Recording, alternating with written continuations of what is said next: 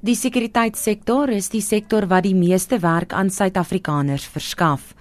Volgens die privaat sekuriteitssektor se reguleringsliggaam, SIRA, is daar net meer as 2 miljoen veiligheidswagte by hulle geregistreer. 'n Woordvoerder van SIRA, Oupa Mamabolo, sê hulle het gister met lede van die African Security Congress vergader. Dit is toe besluit dat die staking uitgestel sal word. Well, we emphatically deny we have met with the union that is orchestrating the strike, which is called African Security Congress, and they have assured us that there will be no strike. In fact, they said the strike has been postponed until further notice, so there will be no strike and uh, the industry should not panic. Hy sê daar is verskeie kwessies geopper deur lede. A number of issues that they have raised with us amongst others uh, what they call rented certificates by foreign nationals who are not registered with CIRA.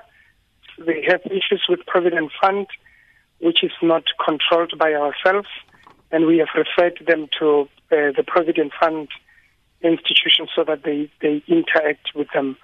Oh, the other thing which is important, it was about the scholar patrol, and we have reassured them that, in fact, in Gauteng, for instance, uh, the MEC has confirmed, even the Premier, that all the 6,000 scholar patrols that are in the province will be properly vetted through CIRA.